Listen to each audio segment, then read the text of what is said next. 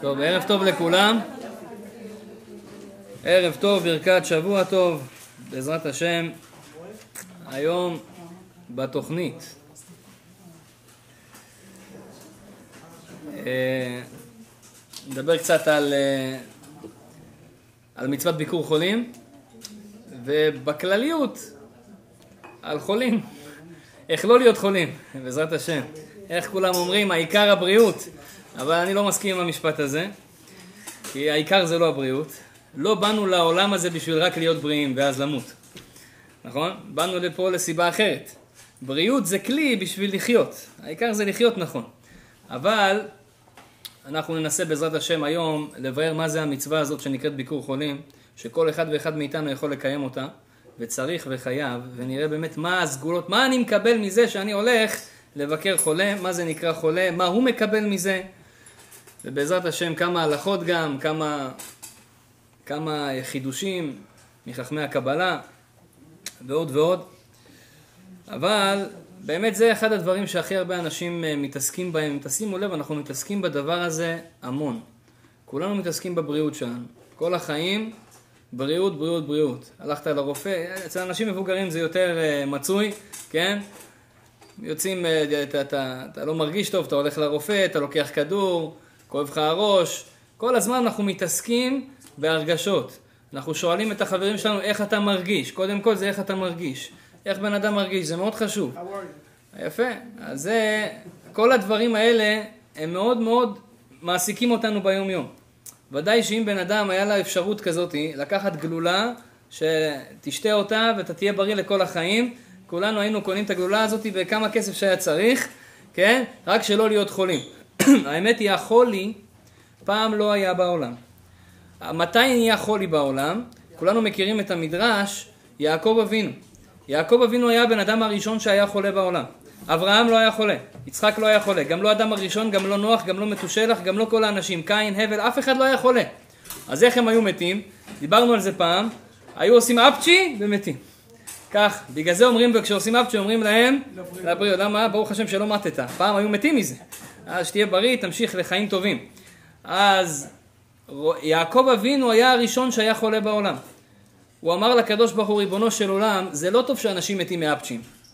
זה לא כל כך בריא. למה? אדם לא יכול להכין את המשפחה שלו. אני בטוח ששמעתם על מקרים, גם אצלי במשפחה זה קרה, אצל מישהו משפחה רחוקה, אדם בריא בין ה-30, הלך לישון ולא קם בבוקר. הכל היה בסדר, למה הוא לא קם בבוקר? אף אחד לא יודע. היה בסך הכל בן אדם בריא. אה, ככה זה היה פעם, בן אדם היה יכול ללכת ברחוב, הגיע הזמן שלו, פתאום תראה אותו, הוא מתעטש, כולם כבר מפחדים, אולי הוא ימות, אולי הוא לא ימות, לא יודעים. היה עושה אפצ'י, יש, לפעמים מת, לפעמים, לפעמים הוא חי. תארו לכם סיטואציה כזאת. יעקב אבינו אמר לקדוש ברוך הוא, ריבונו שלום, זה לא מתאים המצב הזה. זה לא, אנשים לא יכולים להתכונן. לא יכולים להכין את הילדים, פתאום דברים לך באים בפתאומיות. אתם יודעים, בקנדה הכל מסודר. אם אתה לא קובע אפוינטמנט 500 שנה מראש, שום דבר לא יעבוד פה. אני בתור ישראלי ספונטני כזה באתי לפה, השתגעתי לגמרי.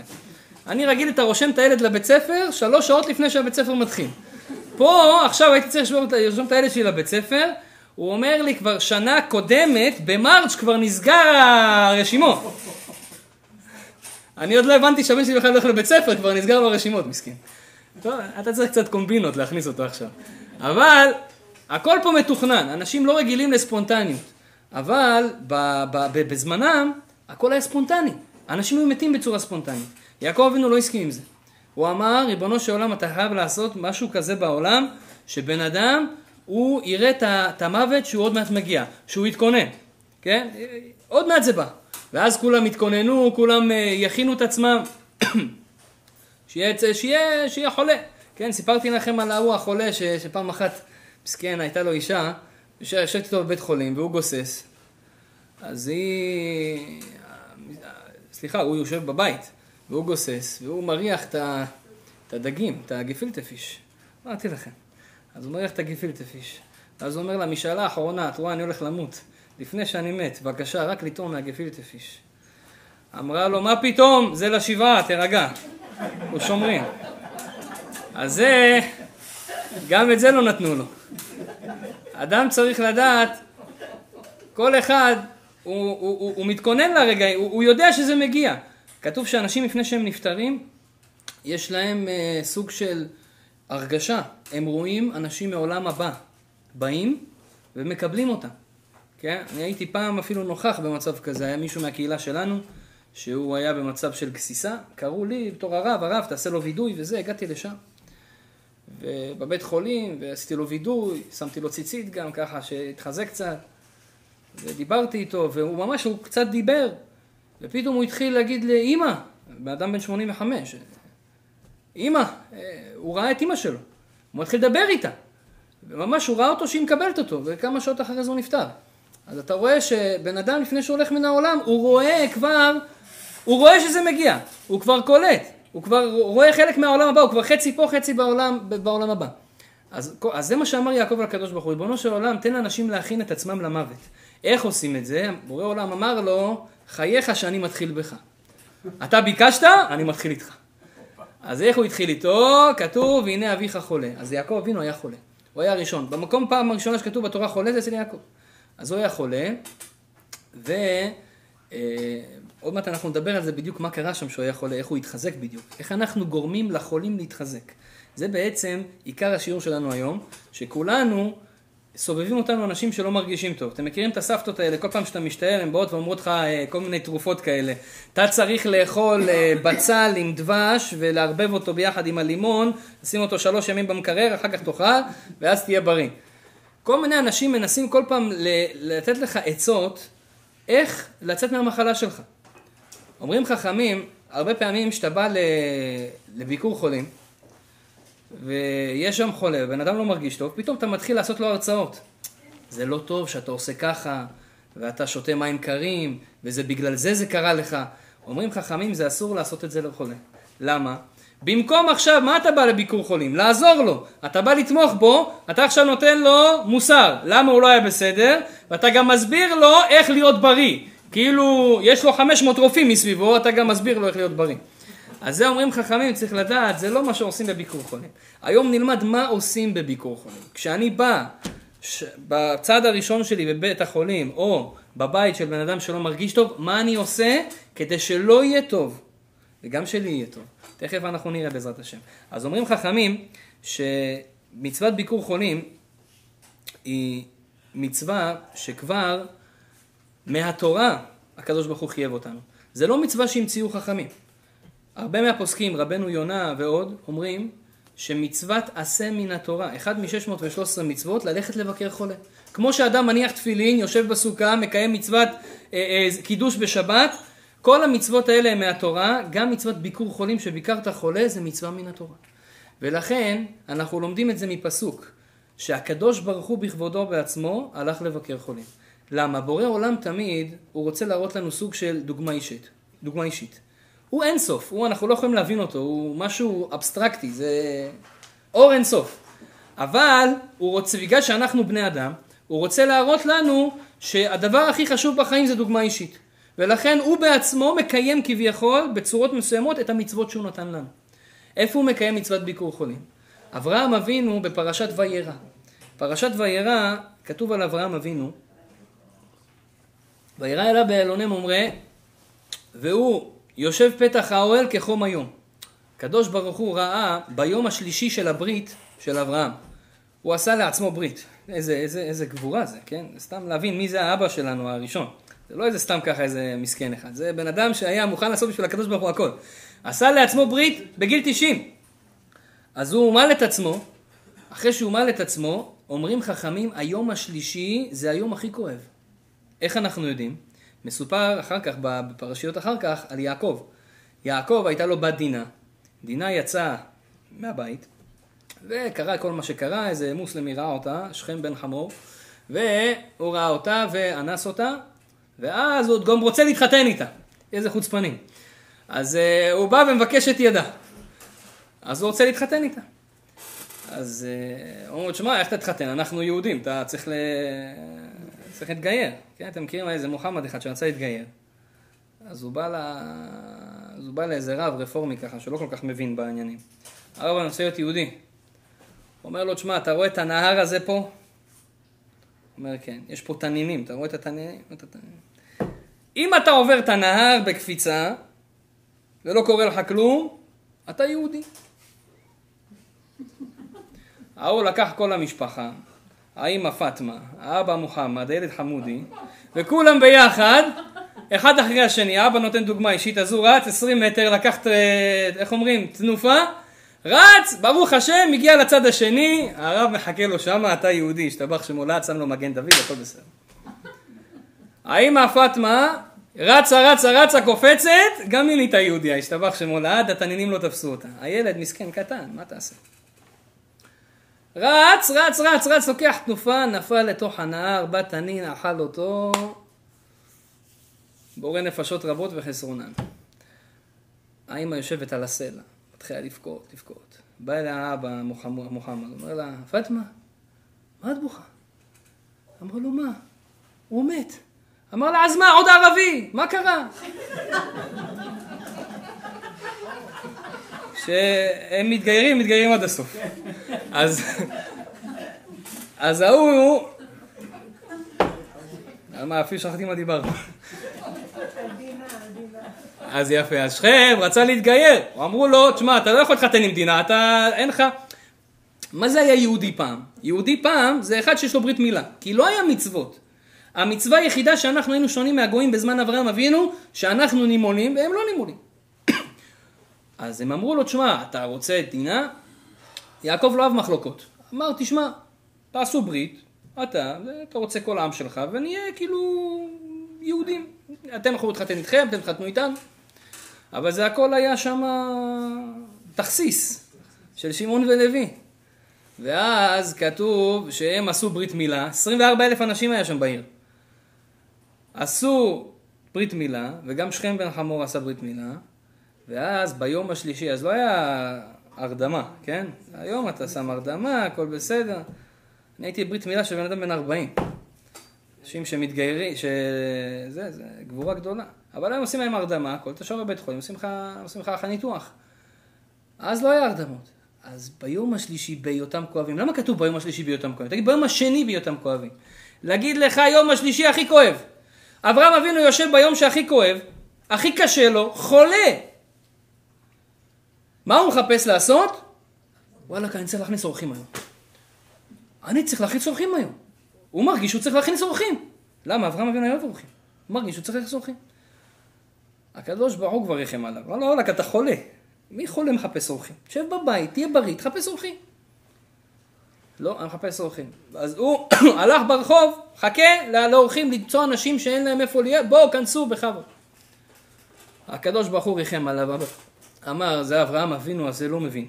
אני אעשה לו ככה שייכנס הביתה בכוח. הוציא חמה מנרתיקה. אתם יודעים, לחמה, לשמש, יש לה נרתיק.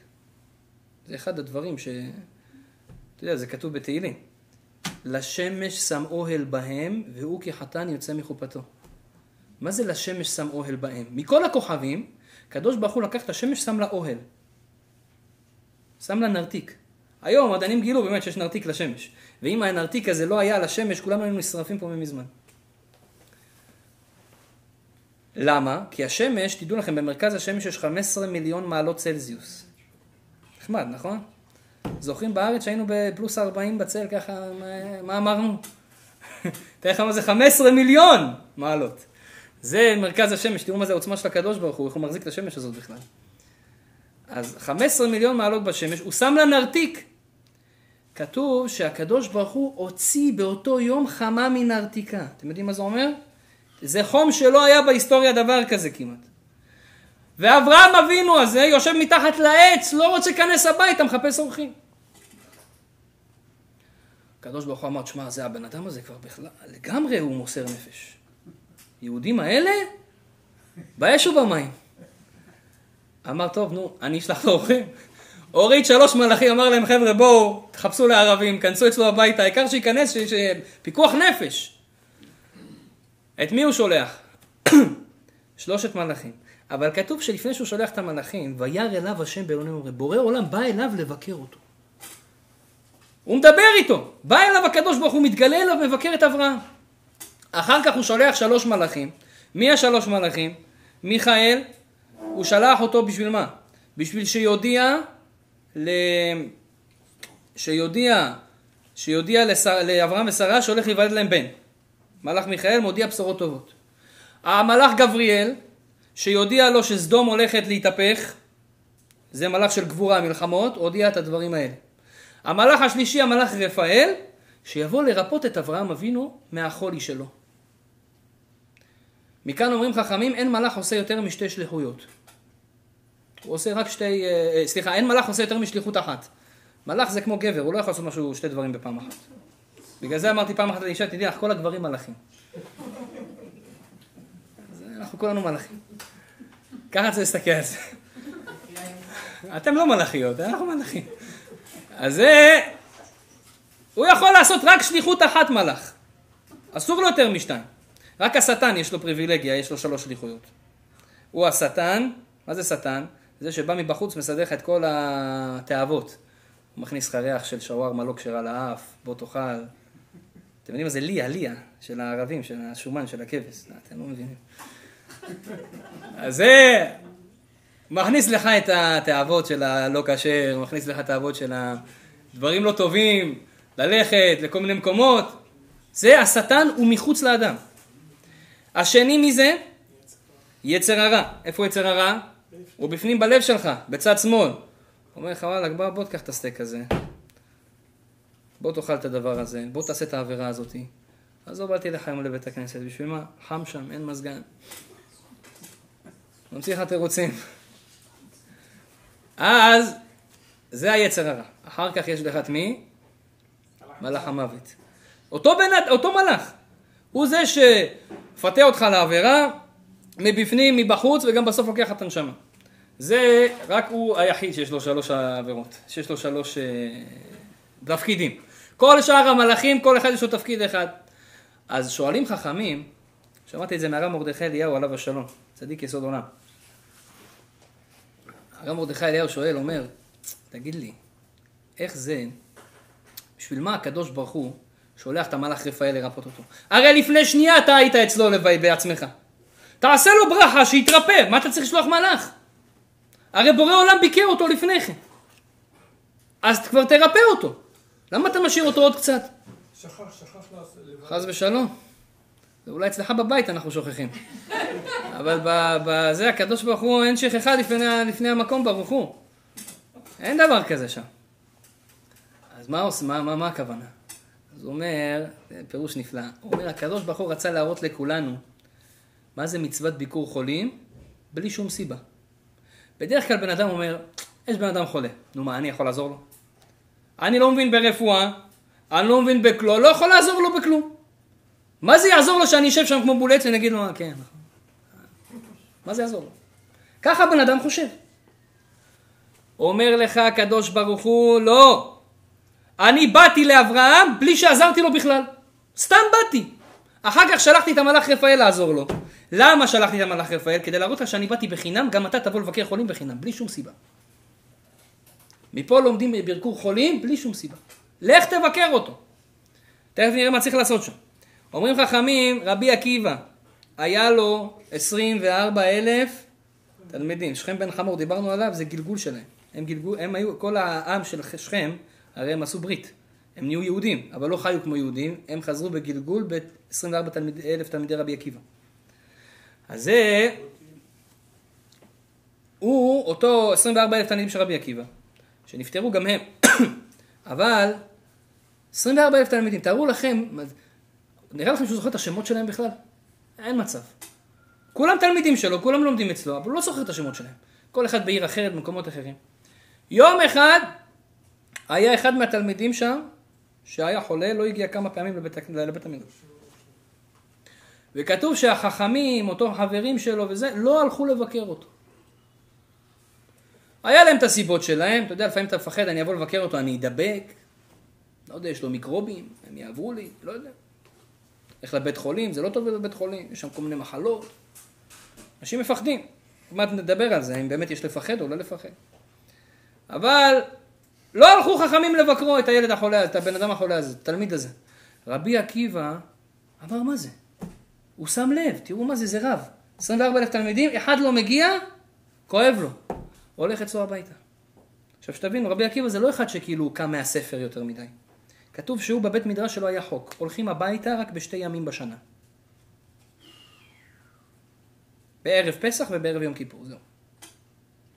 בערב יום כיפור כדי לאכול סעודה מפסקת עם המשפחה והכל, בערב פסח כדי להשכיב לישון את הילדים הקטנים, כדי שבלילה יהיו ערים לקרוא את ההגדה, כי כל, כל הסיפור של ערב פסח זה בשביל הילדים.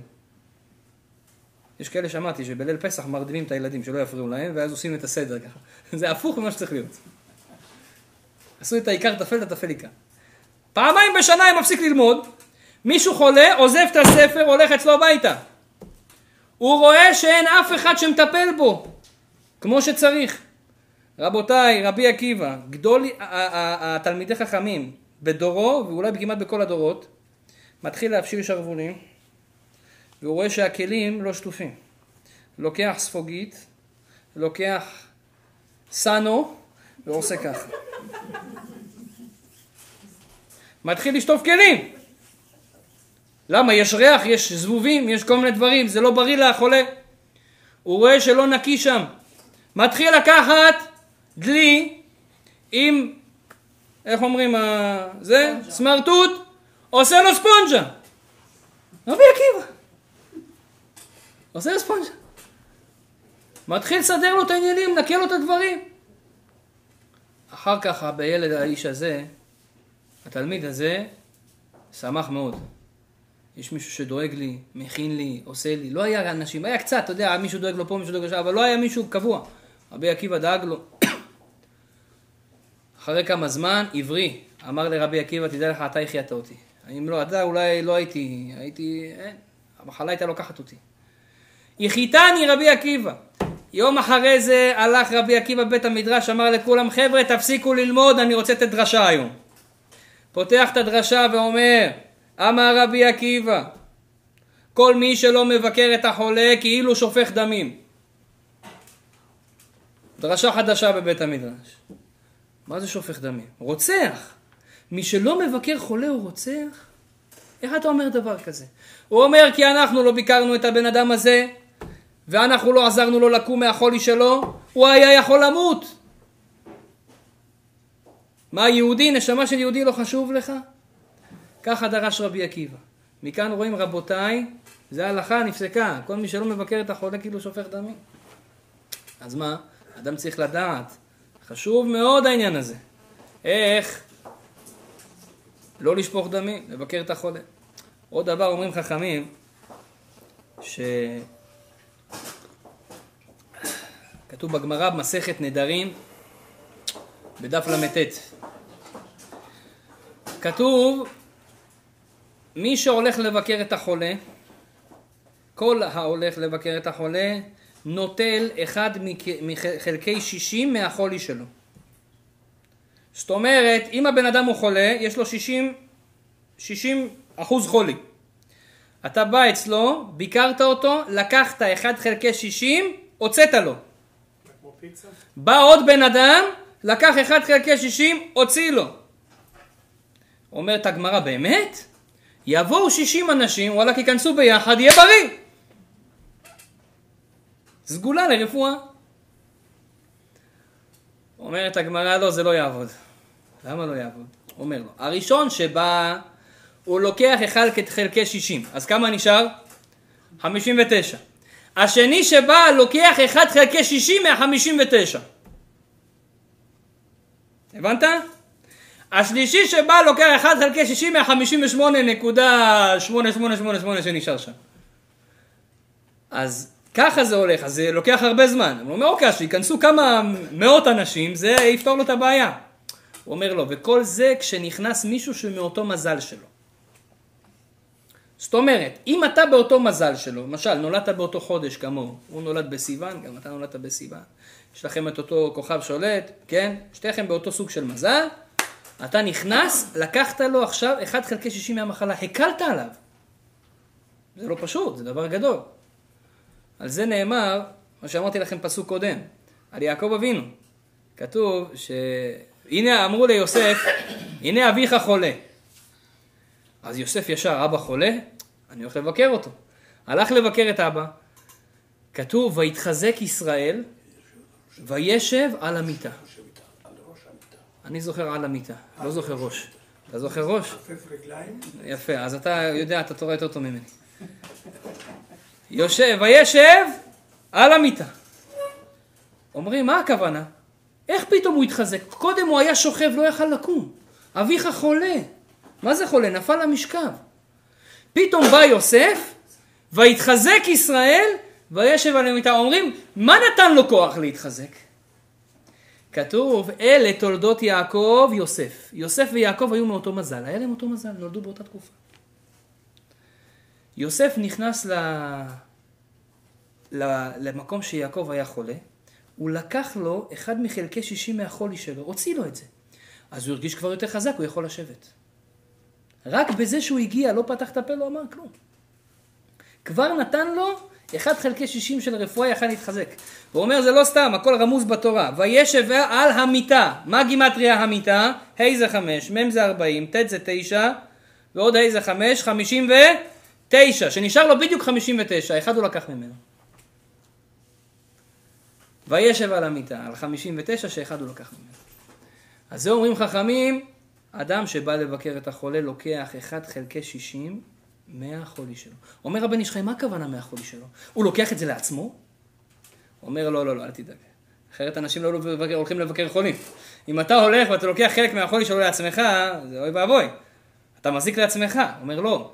אתה לוקח לו את הצער של החולי. הרי בן אדם שהוא חולה, הוא חלש. הוא, יש לו צער, הוא לא מרגיש טוב.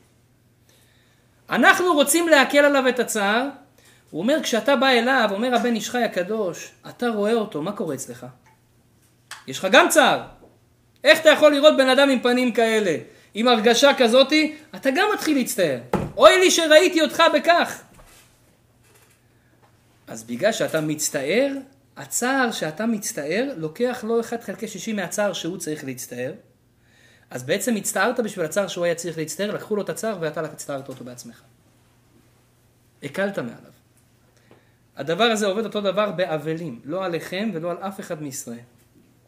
דיברנו שבוע שעבר על פתיחת פה לשטן, אני עכשיו נזהר. אבלים, אדם שאבא שלו, אמא שלו נפטרו, הוא אבל. יש דינים של שבעה. בשבע ימים יושבים על הרצפה, מגדלים שלושים יום זקן. נשים לא מגדלות זקן. לא, שלא, יש כאלה שהבינו לפעמים לא נכון. פעם אחת איזו אישה באה אליי אחרי שבעה, אמרתי, הרב, מתי אני יכולה להתגלח? זה מפחיד. נשים לא צריכות לשמור את זה. ו... גם, דרך אגב, אחת שאלה עוד אה, אישה רווקה או אפילו נשואה שבבית שלה אין כיסוי ראש או משהו כזה בבית.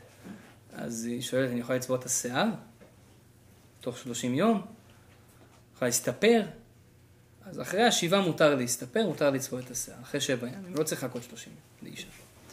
אבל, אה, למה? אישה צריכה להיות יפה. עם זקן וזה, זה יהיה בעיה. כן, בסדר לכם בבא סאלי? בבא סאלי אוהב זקן. הוא היה אוהב זקן. למה? הוא ידע, זקן לגברים, יש לו, זה סימן, זה שפע. תשימו לב, יש שוני גדול בין השערות פה, הן מלאות. תיקח שערה מכאן, היא מלאה. שערה פה היא חלולה כזאת. כן, רק מי שיש לו זקן מבין את הדברים האלה. אז השערה פה היא כזאת חלולה, יש לה כזה ריק בפנים. היא גם קלה יותר. למה? כי זה מסמל את צינורות השפע. בגלל זה כשלגבר יש זקן, זה, זה נותן שפע בבית. כי הצינורות של שפע, יש פרנסה, יש ברכה, יש בעזרת השם הכל. אז הבבא סאלי, כל אלה האנשים המקורבים אליו, הוא, דרך אגב, הוא לא היה לו זקן. מצד הטבע שלו היה גודל לו ממש קצת, והוא היה בוכה על זה כל החיים שלו, בגיל 60 צמח לו זקן. תראו מה זה תפילה של בן אדם, מתי שצומח לבן אדם בגיל 60 זקן. לא היה לו זקן כל החיים, קצת ממש קצת, בגיל 60 פתאום קצת. זה בבא סאלי, זה משהו מדהים. תראו תמונות שלו, לפני ואחרי, זה משהו מדהים. הוא בכה כל יום, השם תגדל לי זקן, אני רוצה זקן. אפילו שהיה מרוקאי, אני לא מבין למה לא גדל לו, אבל... בכל מקרה, אז הוא פעם אחת היה לו אחד החברים שלו, שמקורבים אליו, והוא היה תמיד מתגלח. אז הוא אומר לו, מה, תתחיל לגדל זקן, תעשה משהו. הוא אומר, למה אתה לא מגדל זקן? הוא אומר לו, האישה, האישה, אתה יודע, תעשה לי עיניים, תגיד לי מה, זקנים וזה, לא מתאים לי. היא לא נותנת לי. הוא אומר, תביא, תביא את האישה שלך, תביא. אשתו באה עכשיו, הם מכבדים, הבבא סאלי זה בעל רוח הקודש, זה משהו שאנחנו לא מבינים אותו בכלל. באה זו האישה, הוא אומר לה, תראי, אני רואה בבית שלכם, מישהו צריך שיהיה לו זקן. לא אכפת לי מי, תחליטי. או את או הוא, אבל מישהו צריך להיות עם זקן. ככה. היא הבינה את הרמז. הוא ידע לדבר עם נשים. אה? אז אה, כן. אז איך הגענו לזקן? אה? בבא סאלי באיזה גיל הוא נפטר? אבלות, אבלות. כן, הזבלות, כן. לא, אני לא זוכר את הגיל המדויק, הוא נפטר, הוא נפטר זקן, הוא לא היה צעיר. אז, אה, אז מגדלים זקן באבלות. למה עושים כל הדברים האלה? אסור לך ללבוש נעליים שלו, צריך עם כפכפים של קרוקס עכשיו, זה נהיה קרוקס.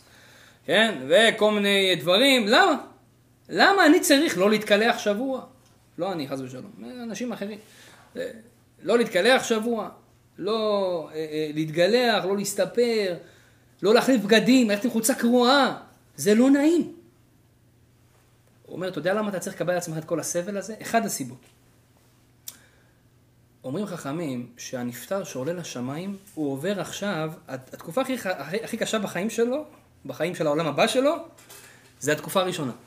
ברגע שהוא נפטר, יש לו דין, ויש לו כל מיני מה עשה, מה לא עשה, הכל עכשיו טרי שם. איפה שמים אותו, איפה לא שמים אותו, חס ושלום העבירות שעשה בעבר עכשיו, זה מתנקם בו, ואתה יודע, הוא, הוא בתקופה מאוד לא קלה. אנחנו צריכים לעזור לו. המשפחה שעושים בשבילו, עוזרים לו. אומרים חכמים, כשהילדים לוקחים על עצמם צער, מורידים מהאבא או מהאמא צער בשמיים. אומרים, הנה, הם סובלים במקומו. אז הוא עכשיו, הכל חלק, הכל נקי. ובגלל זה, זה אחד הסיבות למנהגי אבלות. אותו דבר גם פה בחולי. אדם מגיע לחולה הבא, לבית או לבית חולים, לא עלינו, והוא רואה אותו והוא מצטער. הצער הזה שאתה הצטערת לקח לו מהחולי, תדע לך, עכשיו יהיה לו יותר קל. הוא ירגיש יותר טוב. וכמה שיותר אנשים באו אצלו, אז כל אחד לוקח לו קצת צער, אז כל אחד מרפא אותו לאט לאט. לא צריך רופאים, אה? לכאורה. אתה יכול לבד לעשות הכל. כן, לפעמים הרופאים הם עושים בדיוק הפוך. לא מרפאים אותנו, הם, הם, הם עושים אותנו יותר חולים. הוא עזר לך במקום אחד, ואכלת אותה במקום אחר. כן? פעם היה דוקטור, אה, דוקטור לוי היה אחד. תראה, תראה מה, מה, מה זה, אז הדוקטור הזה היה בבית עם, עם האישה והילדים, וזה, פתאום טלפון, שעה 11 בלילה. מתקשר אליו דוקטור ירון. אומר לו דוקטור לוי, אתה לא מבין, אני, דוקטור יצחק ודוקטור משה משחקים פוקר, חסר לנו יד רביעית, אתה בא? אה, אומר, כן, כן, כן, אני מגיע, תכף אני מגיע. אשתו שואלת, מה קרה, מה קרה? 11 בלילה. אל תשאלי, כבר הביאו שלושה רופאים.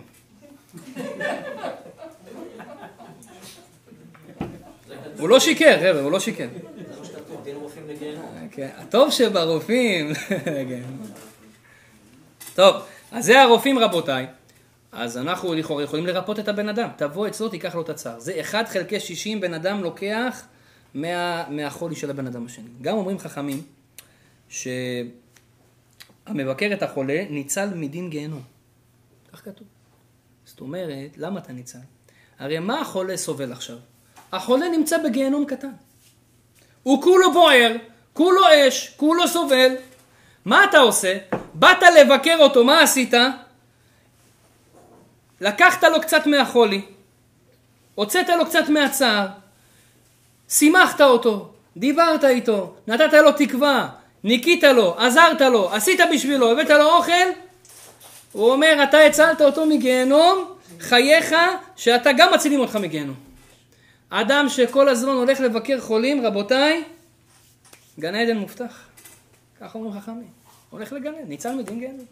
ככה כתוב בגמרא. זה לא אני אומר, אני הלוואי הייתי יכול להבטיח לכם הבטחות כאלה. אבל כשהגמרא מבטיחה... היה רבי יהושע בן לוי, אחד מהתנאים בתלמוד.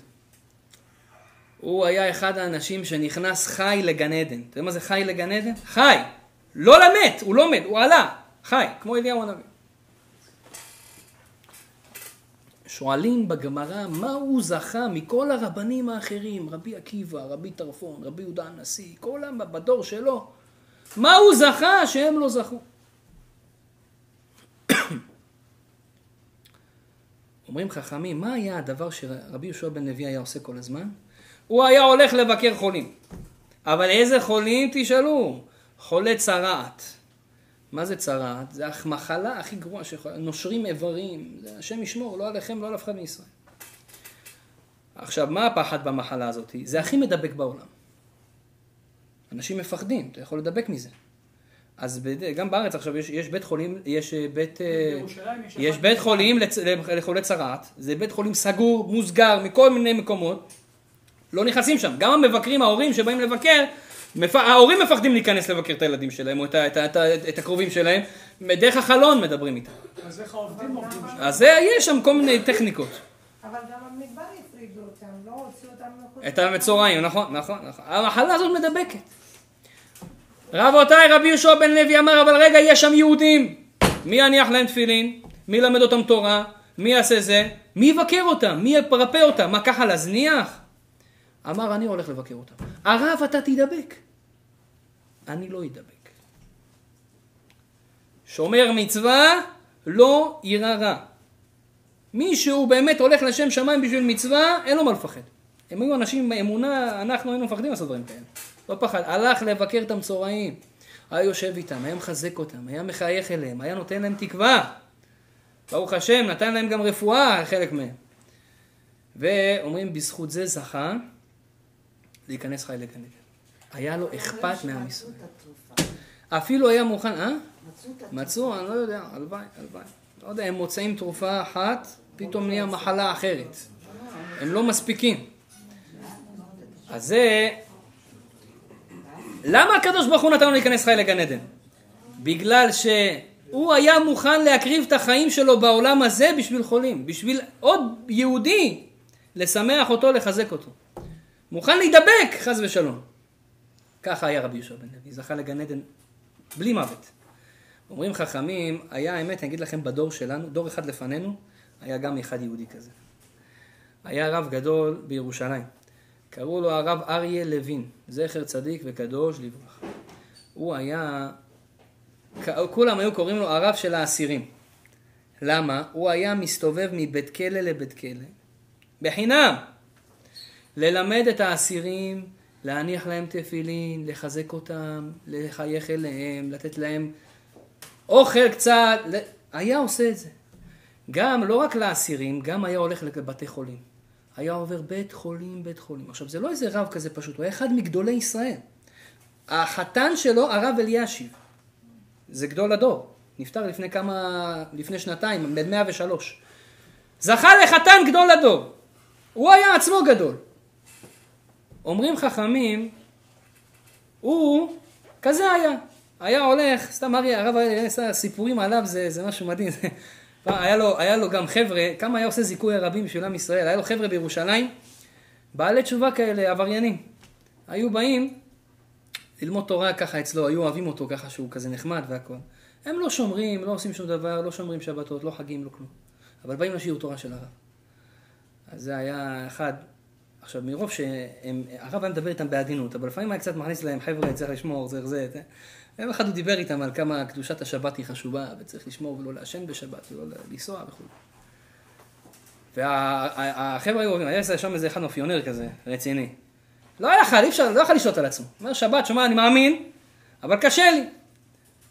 אז הוא, לפני השיעור, הוא עישן סיגריה בשבת. פתאום הרב עובר שם. עכשיו, הוא לא, הוא לא ידע שהרב הולך לעבור במקום הזה. הוא כל כך התבייש מהרב, שהוא רואה אותו מעשן, פשוט מרוב הבושה הוא בלע את הסיגריה. סיפור אמיתי, הוא בלע את הסיגריה. תראו מה זה יראת שמיים של... הוא היה ככה. הוא היה, היה משהו מיוחד. הוא היה פעם אחת הולך ל... ל... הוא היה הרב היחיד שהיה נכנס לבית חולים למצורעים. הוא לא פחד. הוא הלך לשם, אמר אני אחזק אותם. היה מגיע, הולך שם, מניח להם תפילין. היה עושה להם שם כל מיני, מביא להם אוכל כשר, קידוש, כל מה שצריך לעשות, היה בא, עושה להם. הולך ככה, על בסיס יומי כמעט. וככה ככה היה עושה כל הזמן. יום אחד היה הלוויה של אחד מגדולי ישראל בירושלים. והרב אריה לוין הוזמן לשם לתת נאום וללכת עם המסע הלוויה. מלא אנשים. ואחרי שהרב אריה לוין סיים לדבר, הוא הלך עד לזה, פתאום באמצע הלוויה, התלמידים שלו קולטים אותו, הרב רואה חנות פרחים. ממתי הרב נכנס לחנות פרחים? אני לא יודע. נכנס לחנות פרחים. אמרו, לא יודע, אולי אשתו יש לה יום הולדת היום, אני יודע. נכנס לחנות פרחים, בא, יוצא עם כזה עציץ, עם פרחים ענקים, מסתיר את כל כולו, והוא קטן כזה, היה לך נמוך. לוגע את זה. פתאום הוא עוצר באמצע הדרך, נכנס בחזרה לחנות פרחים, הוריד את הפרחים, חזר רק עם עציץ. וככה הלך הביתה, חתך באמצע הלוויה. הלך. אחרי זה בא תלמיד שלו, אחד אומר לו, הרב, לא הבנתי, עקבתי אחרי הרב, ראיתי אותו אמצע הלוויה, כולם אה, ככה במעמד מאוד מכובד, הרב נכנס לחנות פרחים, יוצא עם עציץ גדול, הולך, חוזר, יוצא בלי פרחים עם עציץ. מה? משהו על פי הקבלה אולי, שאני לא יודע? מה זה זה? אמר לו, בוא אני אסביר לך. היום בבוקר הייתי בבית חולים למצורעים הזה. היה שם אחד שכל הזמן היינו שם איתו, אחד מה, מהחולים שם, ולצערנו הרב הוא נפטר היום, בבוקר. והחבר'ה שם אמרו שאין מי שיבוא ויקח את החפצים שלו ויעשה עם זה משהו, כי אסור להוציא את החפצים משם, הכל במחלה. אז צריך ל- ל- ל- לשרוף את הכל, הם היו שם שורפים את הכל. עכשיו הרב אריאל אומר, אבל איך תשרוף, יש לו תפילין. הוא אומר לו, מה תעשה עם התפילין? אז אתה לא יכול להביא את זה לאף אחד, אסור להוציא את זה החוצה. אמר להם, לא, אבל אתם לא יכולים לשרוף את התפילין. אז אמר, אמר להם, תתנו לי, מה, מה אפשר לעשות? אני יכול לקבור את זה באדמה? אמרו לו, לא, גם באדמה, אתה מקלקל את האדמה, אחר כך העציצים לא צומחים ויש בעיות, ומפחדים מהמחלות. זה רדיואקטיבי? אמרו לו, אתה יודע מה אתה יכול לעשות? תביא עציץ ותקבור בגודל מסוים גדול, שזה יהיה הרבה אדמה. תביא, תקבור בתוכו את התפילין, שזה גניזה, לקבור מותר.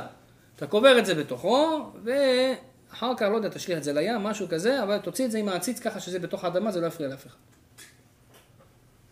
עכשיו הוא אומר, אני כל הבוקר מחפש עציצים כאלה גדולים. לא מצאתי עציץ. עכשיו הייתי חייב ללכת להלוויה, אני הולך בהלוויה, פתאום אני לחנות פרחים, בוויטרינה היה להם כזה עציץ בדיוק כמו שחציתי. אמרתי, אני נכנס. נכנס, אומר לו, תביא את העציץ. אז לקחתי את העציץ. כשיצאתי החוצה, קלטתי, בסדר, מה אני צריך את הפרחים? סתם כבד. אז חזרתי, אמרתי לו, קח את הפרחים, רק תביא לי את העציץ. הלכתי לשם, קברתי את התפילין, וברוך השם. תראו מה זה. איזה מסירות נפש של צדיק. גם היה הרב אריה לוין, הוא היה אה, הולך לבית, לבית חולים של, אה, לא עליכם, של חולי נפש גם. אנשים שאברבנאל אומרים, כן? לא יודע למה תקעו לו את השם הזה, זה שם של צדיק. הרב אברבנאל, יש לו ספרים. לא יודע למה אמרו שככה עשו לזה ככה. טוב. בית חולים הזה של משוגעים. אז אה, שם, אתה יודע, אצל המשוגעים אתה לא יודע מה, זה, זה הבית חולים הכי... אה, הכי מצחיק, אמרתי לכם פעם, אחד בא ל... ל... עבר ברחוב, זה שם בית משוגעים. ואז הוא שומע אנשים צועקים. אה, תשע, תשע, תשע, תשע. צועקים, הוא הולך בקיר, תשע, תשע, תשע. כמה צועקים, מעניין, מה זה התשע הזה? אתה רואה, איזה 20-30 חבר'ה אנשים צועקים תשע מאחורי... אמר, טוב, אני אעלה על החומה, אני אראה מי, מה עושה. עלה על החומה, פתאום קיבל לבנה לפנים, בום! עשר, עשר. אלה, חבל לך על הזמן.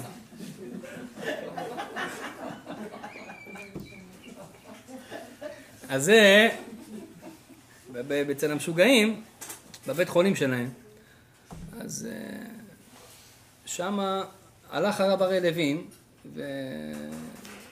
וגם שם עשה זיכוי רבים. היה מניח להם תפילין, היה עושה שם כל השיעורי תורה והכל.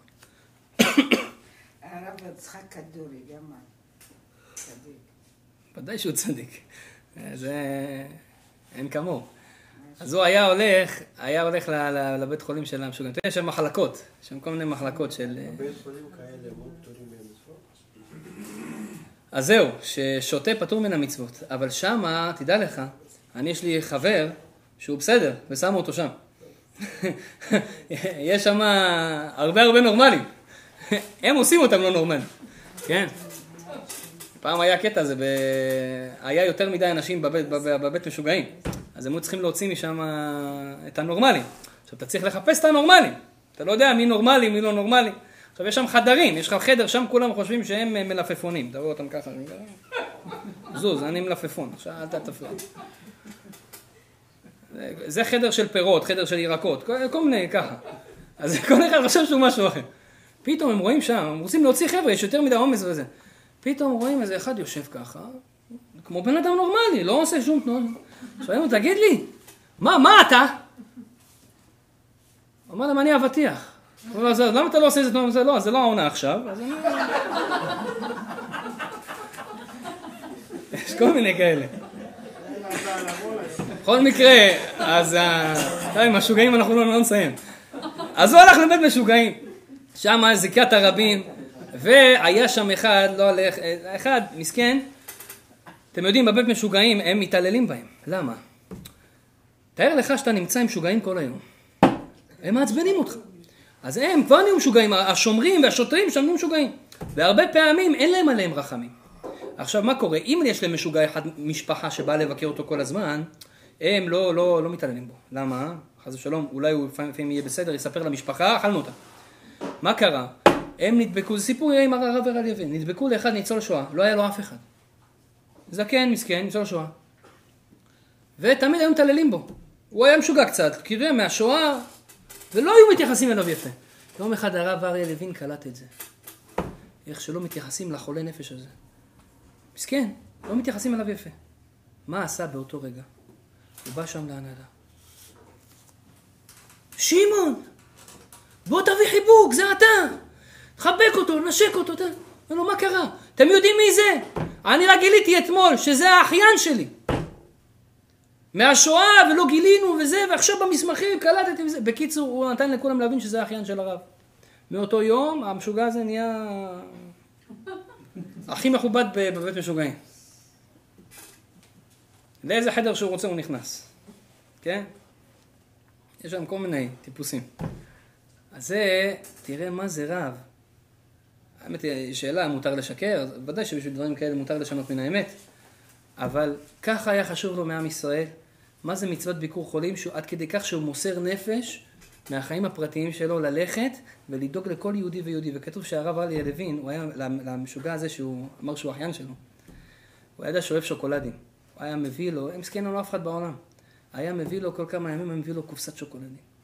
היה אוכל, אחר כך יש שם, בבית משוגעים יש שם רופא. לפני שהוא נפטר, הוא השאיר שם פתק אצל הרופא. הוא אמר שהוא כתב על החיים שלו, מה היה לו, איזה לא, לא טוב היה לו בחיים והכל. הוא אומר, והרגעים הכי יפים שלי בחיים, זה היום הזה שאני רואה את הרב אריה לוין בא לי עם הקופסת שוקולד, ואני אוכל את השוקולד. תדע לך איך הוא שימח יהודים. אז אתה רואה כמה זה חשוב בשביל אדם שלא מרגיש טוב.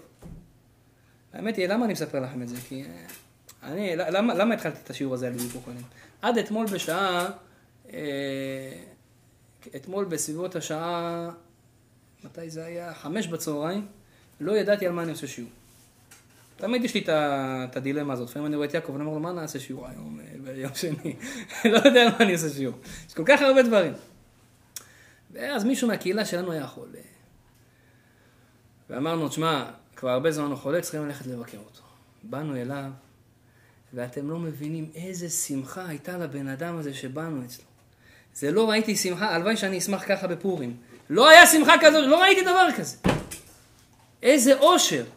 ואמרתי, אם אנחנו הצלחנו לגרום לו, ואני כמעט לא דיברתי. ישבתי שם, קצת שאלתי לשלמה, כל כך שמח, אמרתי, זה נושא כל כך חשוב, שאנחנו חייבים לדבר עליו. תראו כמה זה חשוב לאנשים שלא מרגישים טוב. אפילו לא, תגיד, הוא לא חולה כרוני, קצת לא מרגיש טוב, כן? באמת בבית כנסת אנשים מבקשים ברכות על החולים. כן? צריך להגיד לאנשים, לא כל בן אדם שיש לו קצת נזלת צריכים להגיד לו עכשיו רפואה שלמה וזה, לא. כן? רק אנשים שבאמת חולים. כן? יש כאלה, קצת הוא היום קם, קצת קם עם, עם צינון קצת וקצת כואב לו הרגל, אז זהו כבר, אני חולה, חס ושלום. האמת היא כתוב בהלכה, לא טוב להגיד את המילה הזאת, אני חולה. גם בן אדם לא זה, יגיד לו, אני לא מרגיש טוב. למה? ברגע שאתה אומר חולה, נגיד, הדבקת לעצמך כבר סיסטם, אומרים בחיי, חבר'ה, הוא חולה, בואו נכניס אותו למחלקה של החולים. לא. אל תדביק על, על חותמות. תגיד, אני לא מרגיש טוב. או שתגיד, אני ארגיש יותר טוב עוד מעט. עוד יותר טוב, זה אדרבה. זה, זה גם, זה יותר חשוב. אז, אה, אז זה, אז זה הרב הראל לוין. אז עכשיו, משה רבנו, שהלך ל... שהיה לו סיטואציה עם אח... אחותו, מרים, במדבר, כתוב שהיא נהייתה מצורעת, היה לה צרעת. וכתוב שהיא ממש הייתה חולה, ולא ידעו מה לעשות. עכשיו, משה רבנו היה בדילמה. מצד אחד משה רבנו, בואנה, זה אחותי. אני קורע את השמיים עכשיו, שלוש שעות תפילה לא זז. מצד שני הוא יגיד, רגע, רגע, אם אני עכשיו מעריך בתפילה, כולם אומרים, וואלכ, תראה, לאחותו הוא מתפלל שלוש שעות, מחר אני החולה, אה, אולי ששתי שלוש שניות יזכיר אותי, משה רבנו פרוטקציות. כן, ככה באים לרבנים. מחפשים אותם בקטנות. אז משה רבנו אמר, אני לא עושה ככה. אני לאחותי מקצר הכי הרבה. איך הוא התפלל עליה? אמר, אל נא רפא נא זהו, נגמר הסיפור, זהו. ככה מתפללים אחותיך, אל נא רפא נא אפילו לא הזכרת שמות, תגיד, מרים, בת יוכבד, טה-טה-טה, לא. אל נא רפא נא מה פשר הדבר? וזה עבד. מה פשר הדבר? קודם כל, למה אתה לא מזכיר את השם? כל המפרשים שואלים. תגיד, ריבונו של עולם, תשלח רפואה שלמה למרים בת יוכבד, וזה, רפואת הנפש, רפואת הגוף, ברנה ובריאה, פשסה גידיה, אין לה רפואה נלה, אין לה רפואה נלה, רפואה קרובה לבואה שאתה בעגלה בזמן קריב, ונאמר אמן. למה אתה אומר פסוק אחד מסכן בלי כל ה... זה? יש תשובה? אה, יש עוד שאלה, נו. זה נכון שלא משנה על מי מתפללים, אומרים משם נקבה. אני גם מדבר על זה. אה, יש לך רוח הקוטג', אתה, אתה קולט אותי. אז uh, אני אדבר על זה, למה, למה מזכירים את שם של האמא ולא שם של האבא? גם פה יש פרוטקציות. לא, כן, נכון. כי זה הלשון של הפסוק. אי אפשר לשנות? אבל זה, זה לא יעבוד, כי יש סגולה בפסוק הזה. יש סגולה בפסוק הזה. אז הוא אומר, אל נא רפואה נא לא מזכיר את השמות. האמת היא, הרב מח... דגל מחנה אפרים, אחד החסידים הגדולים לפני 200 שנה, הוא כותב, הוא לא הזכיר שם, אבל הוא רמז את השם. איפה הוא רמז את השם? אל נא רפא נא, רפא נא גימטריה מרים יוכבד. אותה גימטריה. רפא נא גימטריה מרים יוכבד. אז שואלים, רגע, אז למה אתה לא אומר מרים יוכבד, יוכבד לבד? למה אתה צריך להזכיר את זה בגימטריות, בעניינים? אומר לך, הגמרא במסכת ברכות אומרת שאם בן אדם מתפלל על חולה לא יזכיר את שמו. למה? הוא אומר אם אתה מזכיר את שמו זה יכול לגרום לו רע. אבל רגע, איך הרב מברך עם שמות? הוא לא ידע את הגמרא הזאת מסכת ברכות דף ל"ד עמוד א', הוא לא קרא. הוא אומר לא, לא, לא, לא. יש חילוק. הבן איש חי מסביר. הוא אומר לפעמים אתה צריך, כשאתה מתפלל על בן אדם, לפעמים צריך להזכיר את השם שלו. ולפעמים אסור להזכיר את השם שלו. מתי מזכירים, מתי לא מזכירים? הנה הכלל, אומר רבנו הבן איש חי בספרו בן יהוידע, הוא אומר כך, הוא אומר תדע לך, כשאתה רוצה לבקש לבן אדם שפע, למשל, שייתנו לו משהו כמו בריאות, פרנסה, שישפיעו לו מהשמיים, חיים טובים, הצלחה, שיצליח במבחן, שיצליח בעבודה, אז צריך להזכיר את השם שלו ושם של האימא. למה שם של האימא? כי בדרך כלל לאמא יש פחות עבירות, היא לא חייבת במצוות תלמוד תורה. אז מזכיר שם שלו ושם של האמא. אבל אם אתה רוצה לקחת ממנו משהו לא טוב שיש לו ולהסיר ממנו, למשל אתה מתפלל, יש לו איזה רעה מסוימת, משהו לא טוב קרה אצלו, תוציא ממנו את הרע הזה, כן? תוציא ממנו את המחלה הזאת, תוציא ממנו את ה... לא יודע, מה שהוא סובל. אם אתה רוצה לקחת ממנו משהו רע ולהוציא, פה אל תזכיר את השם שלו. למה? כי כשאני רוצה להשפיע לו משהו ואני מזכיר את השם שלו, כל אות בשם שלו, השפע יורד דרך האותיות כי זה צינורות. כל אות זה כמו צינור. השפע יורד דרך האותיות לשם שלו אליו. אבל כשאני רוצה, כשהוא חולה, ואני אומר, ריבונו של עולם, תסיר את החולי הזה ממנו, אני לא אזכיר את השם שלו. למה? כי אם אני אזכיר את השם שלו, בעצם אני עכשיו מעורר אותו בשמיים. ברגע שמזכירים שם של מישהו, ישר בשמיים, אוקיי, אוקיי, מה קורה איתו? מי הוא? למה הוא חולה? אה, עשה עבירות, עשה ככה, עשה ככה, עשה ככה, המקטרג מקטרג עליו עוד יותר. לא מגיע לו רפואה. אז לכן, אם אתה רוצה לקחת ממנו חולי, אם אתה רוצה להשפיע לו בריאות, למשל, ריבונו של עולם תשלח רחמים ובריאות לאותו בן אדם, אתה יכול להזכיר את השם. אבל אם אתה אומר, ריבונו של עולם תרפא, תוציא את המחלה, תרחיק מאותו בן אדם, אל תזכיר את השם. כלל שני, כשאנחנו נמצאים מול החולה, לא מזכירים שמות. ריבונו של עולם ישלח לך רפואה שלמה, כשהוא לידך. הוא ירחם עליכם וייתן לכם בריאות ויוציא ממכם כל חולי וכל מחלה. אבל כשאתה לא ליד החולה, הוא באוגנדה ואתה באוסטרליה, אז אתה צריך להזכיר את השם שלו ואת השם של אמא שלו. ומכאן שאנחנו מברכים בבית הכנסת, מה. מה בלבלתי? הבית כנסת זה לא בדיוק עובד ככה. אנחנו מרביצים לכולם זה, ויש גם אנשים בחדר שאומרים את השם שלהם. מרביצים? את ה... לא מרביצים. לא, אומרים, זה, זה, זה, זה, זה, יש לך... כי אנחנו לא רואים אותם. אבא שלך למשל. או יפה. אז אם רואים אותם, אז צריך לא להגיד. אה, זה חידוש. צריך אה, לחלק. צריך לא להגיד, כן. אם אתה רואה את אותו חולה, אל תזכיר את השם שלו. לא. או יש כאלה אומרים, והבן איש חי אומר שהאמת זה אפילו פועל יותר הרבה פעמים, במחשבה. תזכיר את השמות שלהם במחשבה. הכי טוב. וגם פחות זמן הרב צריך בבית הכנסת לעבור ליד כולם. זה, זה קצת קשה. אז זה ההלכה. תהילים. גם תהילים. את רוצה להזכיר שם של מישהו? האמת היא הכי טוב תזכירי אותו במחשבה. אם הוא נמצא לידך, כן? את תגידי אני רוצה לקרוא תהילים לרפואה שלמה, לא טוב. ל- לרפואה שלמה של משה בן משה, לא. תגידי, אם את, אומר, אם את רוצה להגיד אני רוצה לקרוא תהילים להצלחת, להשפעה של בריאות, כן? שפע, לתת לו שפע, מצוין, תזכירי את השם שלו. אבל רפואה שלמה, מה זה רפואה שלמה? להוציא ממנו חולי. אז פה כבר עדיף, או שתזכירי במחשבה, או, שלא, או שאם הוא לא נמצא לידך, אז יש פוסקים, המגן אברהם אומר שמותר להגיד את השם שלו, אם הוא לא נמצא לידך. לא יכול חולה. ויפה, זה ההלכה שנייה. ההלכה שנייה אומרת שאתה מבקש כבר רפואה בשביל מישהו, אז אל תבקש רק עליו, תכלול אותו עם כל חולי עמך ישראל, וזה סגולה, וזה צריך להיזהר מזה מאוד. כן? ייתן לך רפואה שלמה בשאר כל חולי עמך ישראל, בתוך כל שאר חולי עמך ישראל. ככה צריך לומר. עוד אומרים חכמים, אדם שבא לבקר את החולה ולא ביקש עליו רחמים, לא יצא ידי חובת ביקור חולים. מה הכוונה? אם באת לחולה, ישבת שם, נתת לו בננה, אמרת לו שלום, מה שלומך, מה העניינים, מה קורה? כן? קצת סיפרת לו כמה בדיחות, הוא צחק, הלכת הביתה, לא יצאת ידי חובה. למה? חייב לבקש על החולה רחמים. מה הכוונה?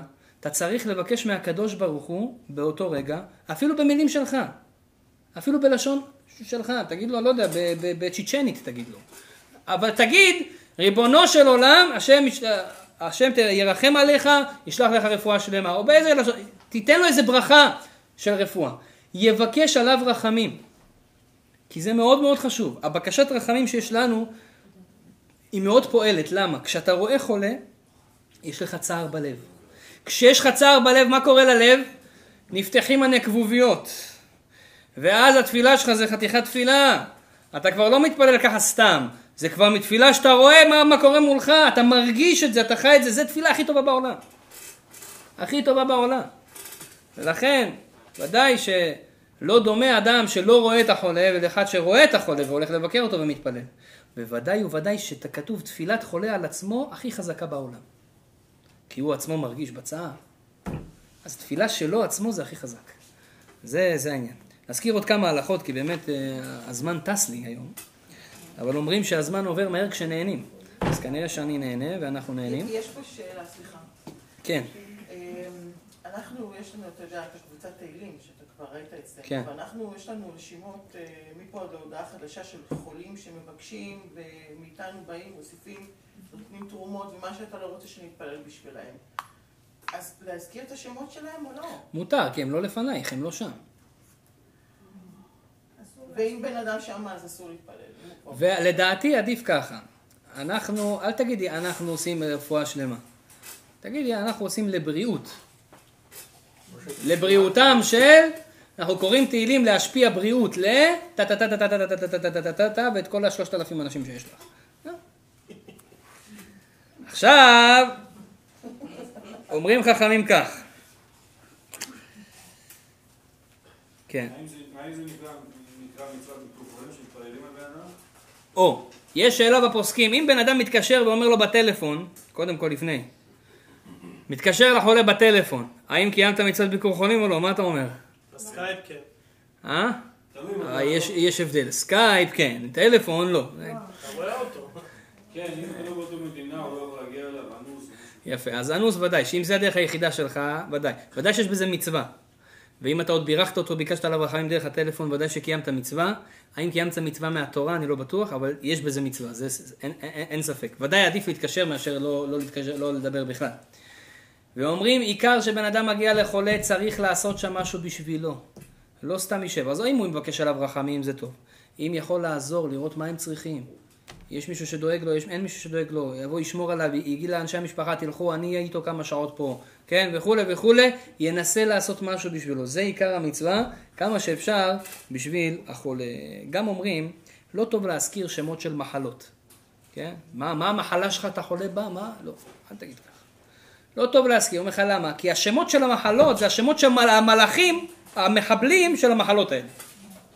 זה השמות של המלאך שממונה על המחלה. ברגע שאתה מזכיר את השם שלו יותר מדי, אתה נותן לו כוח שיהיה לו יותר תקיף בעולם.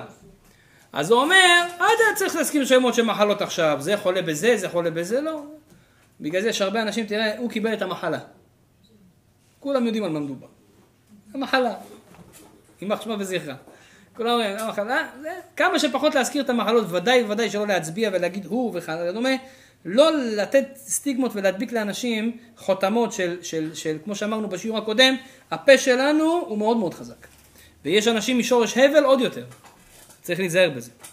וגם, כשאתה בא לחולה לבית, לבית, לבית החולים או לבית והוא שוכב על המיטה, כתוב בהלכה, מה תעשה? או אתה רוצה לעמוד לידו, כתוב שכינה נמצאת בראשו של חולה. אתה יודע איזה שכינה? האור האלוקי, האור של הקדוש ברוך הוא. זה משהו מדהים, בגלל זה טוב להתפלל שם גם. אבל אתה לא יכול לשבת ליד הראש שלו, כי שם השכינה נמצאת, זה לא כבוד. מצד שני, אם הוא חולה, ממש, ממש חולה, שיכול חס ושלום גם למות, לא טוב לשבת ליד הרגליים שלו, כי אם מלאך המוות נמצא שם, הוא נמצא ברגליים. אז איפה אני אשב? באמצע. הכי טוב, תשב באמצע. דבר איתו שם, לא בסוף, לא בזה, תשב באמצע. הכי טוב. זה הנהגה נכונה. לסיום, הייתי עוד ממשיך, אבל לסיום אין לנו כבר הרבה זמן. לסיום, אומרים חכמים, כתוב בגמרא, כל המבקר את החולה, אין לו גיהנום. וזה אחד מהדברים שמקבל עליהם שכר בעולם הזה, והקרן קיימת לעולם הבא. רוב המצוות לא מקבלים שכר בעולם הזה. אחד מהמצוות שמקבלים שכר בעולם הזה זה ביקור חולים. אתה מקבל פה קאש, לא צ'ק דחוי לעולם הבא. קאש, כאן אתה מקבל. פרנסה, בריאות, כל הדברים אתה מקבל. אומרת הגמרא, מה אתה מקבל? יש פסוק בתהילים. השם ישמרהו ויחייהו ויאושר בארץ. ויצילהו מנפש אויביו. אומרת הגמרא, השם ישמרהו, ממה הוא ישמרהו? מיצר הרע, שמי שמבקר חולים, הקדוש ברוך הוא שומר אותו מיצר הרע. כמה יצר הרע יש לנו? תוקף אותנו כל יום, בבוקר, בערב, בצהריים, ברוך השם, היום הוא עובד שעות נוספות. אז איך אתה תתגבר על היצר הרע? תעשה מצוות ביקור חולים, הקדוש ברוך הוא מבטיח לך, אני שומר אותך מיצר הרע, הוא לא יכול עליך. דבר שני, השם ישמרהו ויחייהו. מה זה ויחייהו? מייסורים. יציל אותך מייסורים, מסבל, מחולי. עצם ביקור החולים מציל אותך מלהיות אחד כזה. אז ודאי שצריך להיעדר כמה שיותר לבקר. אז השם ישמרהו ויחייהו ואושר בארץ. מה זה אושר בארץ? אומר שכולם בארץ מכבדים אותו. מה הכוונה? שפתאום אנשים יתחילו לתת לך כבוד. לכבד אותך. מצוות ביקור חולים סגולה לקבל כבוד. לקבל שאנשים יעריכו אותך. ומי לא רוצה הערכה? כולנו רוצים הערכה. דבר שלישי, דבר רביעי אומר, ויצילהו מנפש אויביו, מציל אותך הקדוש ברוך הוא מכל האויבים שלך. כל אלה שקמים עליך ורוצים להפיל אותך ואת העסק שלך ואת הבית שלך ואת הילדים שלך וכולי וכולי וכולי, ויצילהו מנפש אויביו. אין לך מה לדאוג. מכאן נלמד מה גדולה, מה רבה השכר וה, והעניין של מצוות ביקור חולים, שהקדוש ברוך הוא זיכה אותנו ונתנו להבין את העומק שלה. ומה אנחנו עושים לחולה כשאנחנו מבקרים אותו, ואיך אנחנו עושים את זה בצורה נכונה, והעיקר לבקש עליו רחמים, שהקדוש ברוך הוא ירפאהו, ואני, ואני בעזרת השם מברך אותך, אתכם, ואת כל עם ישראל, שהקדוש ברוך הוא יסיר לכם כל גזירות רשות ורעות, ויסלק שנאת חינם ביניכם, תזכו לרפואה שלמה ואיתנה, אמן ואמן. תודה רבה לאורי על הארגון, וגם ליעקב ולכל השאר שטרחו בזה, חזק וברוך שאלות, כן.